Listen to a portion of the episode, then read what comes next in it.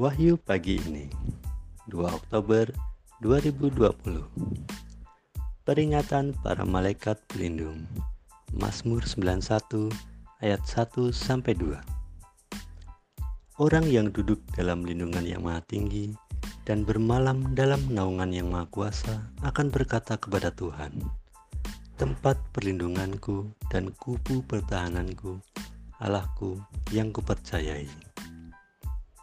Saudara-saudari, berlindung kepada Tuhan berarti mau bertekun dalam berdoa dan menaati segala peraturan yang baik yang akan menyelamatkan kita. Selamat pagi.